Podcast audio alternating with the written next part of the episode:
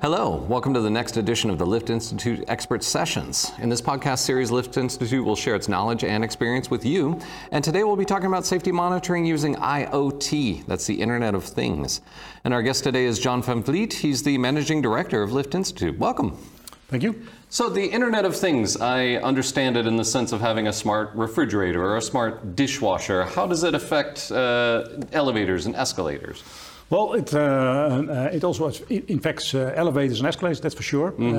um, especially for the, the, the, near future and the developments which are uh, in, in this moment uh, active. Sure.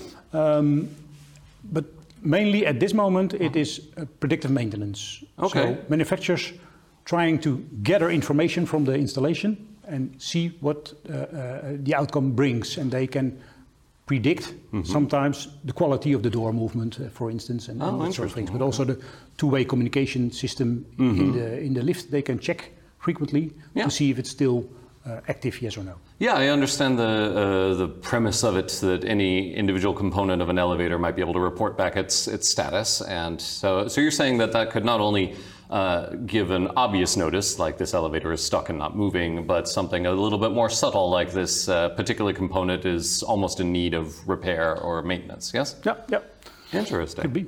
And uh, what is is there a legal framework for this? Like, where are we in terms of developing this? In a Well, uh, IoT is is uh, not officially uh, safety. Yeah. Mm-hmm. It is just a platform for communication between di- digital communication between devices. That's Mm-hmm. all. sure.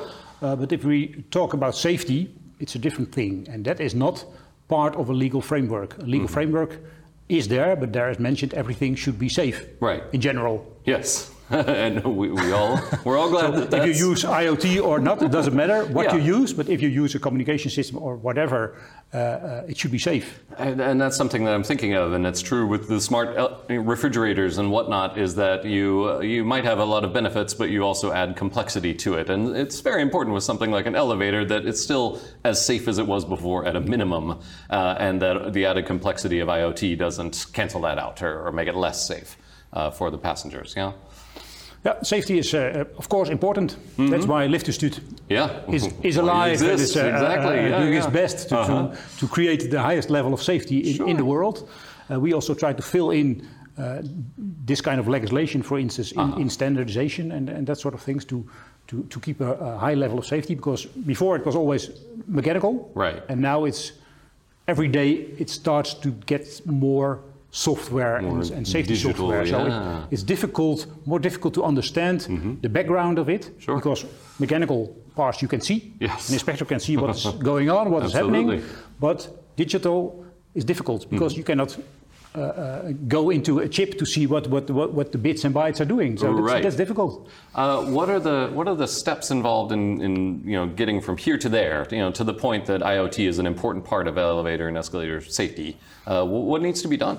Well, uh, um, we uh, have to write some legislation, for instance, and to, to, to fill in some procedures, but it should not take that long because IoT software developments are going faster and faster, and legislation Yeah, takes a while before we have a standard defined Right. and finally published. It will take sometimes five, six, seven years. okay. I was going to ask what time frame like Yeah, yeah. at what point do we find ourselves seeing these benefits and operating this next generation? You, you think five to seven years or Yeah, well, the, the, the, the, the, all the, the, the, the top manufacturers in the world are busy at the moment for developing new ideas, new IT solutions, also related to safety.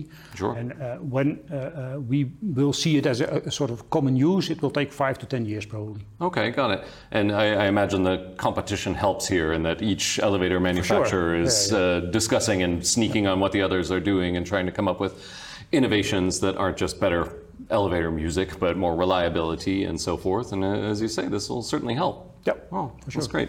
Um, what are going to be if I'm an OEM of manufacturer parts? You know, if I manufacture the rope or, or you know some of the individual components, what should I be looking to do in the next five to seven years to, to be ready for this?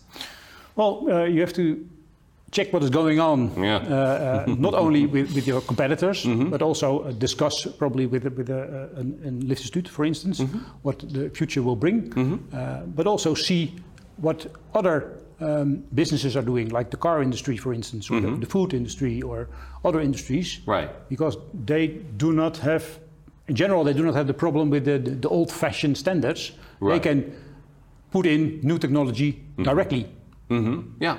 not always, but but in, in, in general. And the lift industry is a little bit well old-fashioned. It Mm-hmm. You- takes a little bit more years than the the normal. Uh, uh, branch, for instance. Yeah, I, before it's- I, I imagine an elevator can't download the latest version of the software off the internet just yet. Yeah. Not yet. No, no, no. but It'll take a may- few maybe years. soon, yeah. Yeah, yeah, yeah. Uh, and for buildings, what are building owners uh, looking at in terms of on- once this is implemented, uh, how will this change uh, ownership of an elevator in the sense of owning the property that it's in? Yeah, but the building owners are not only um, active or, or, or focused on lift Mm-hmm. lifts in, in their building, but also in uh, heating systems, Sure. Mm-hmm. uh, uh, fire safety systems, that sort of thing. So what they want is uh, to see what is going on in their building, Yeah. not only focused on lifts, but Yeah. Mm-hmm. all the systems which are in there. So they want to see a sort of dashboard Mm-hmm. where they can exactly see what is going on. Is everything okay? Yeah. everything works fine, or do we have some problems somewhere? Right. Then they can take action. That's probably for the near future the most important thing Mm-hmm. that we, as a, a- a- a- a lift branch, uh, Yeah. should work together probably with other branches to make a sort of platform.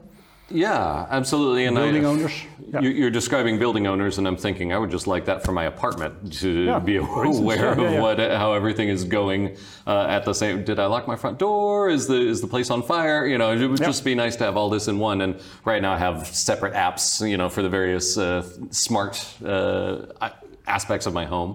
And, uh, and that's the dream is to bring it all together and uh, it, I would call it uh, essential to bring it all together if we're talking about safety features you know and being able to get a picture of health for the elevators and, and so forth you know uh, you mentioned also uh, food industry and also the car industry, and I would call these uh, further along when it comes to IoT technology. Yeah, for and- sure. Yeah, yeah. Yeah, Uh, where, where are they, and what can can this industry learn from that?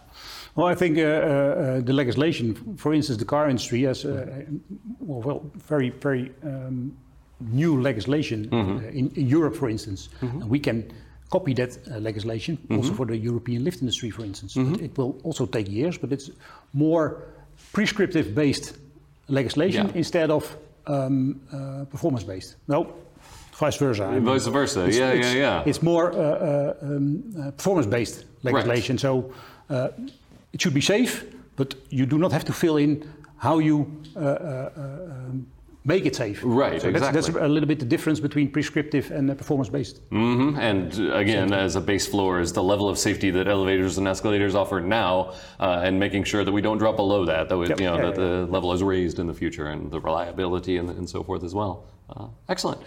Thank you for joining us, John. It's an exciting time for the industry when it comes to the IoT technology, and we look forward to the next few years. And thank you for listening. Next time on the Lyft Institute Expert Session Series, we'll be talking about integral safety when it comes to the elevator and escalator industry. We'll talk to you then.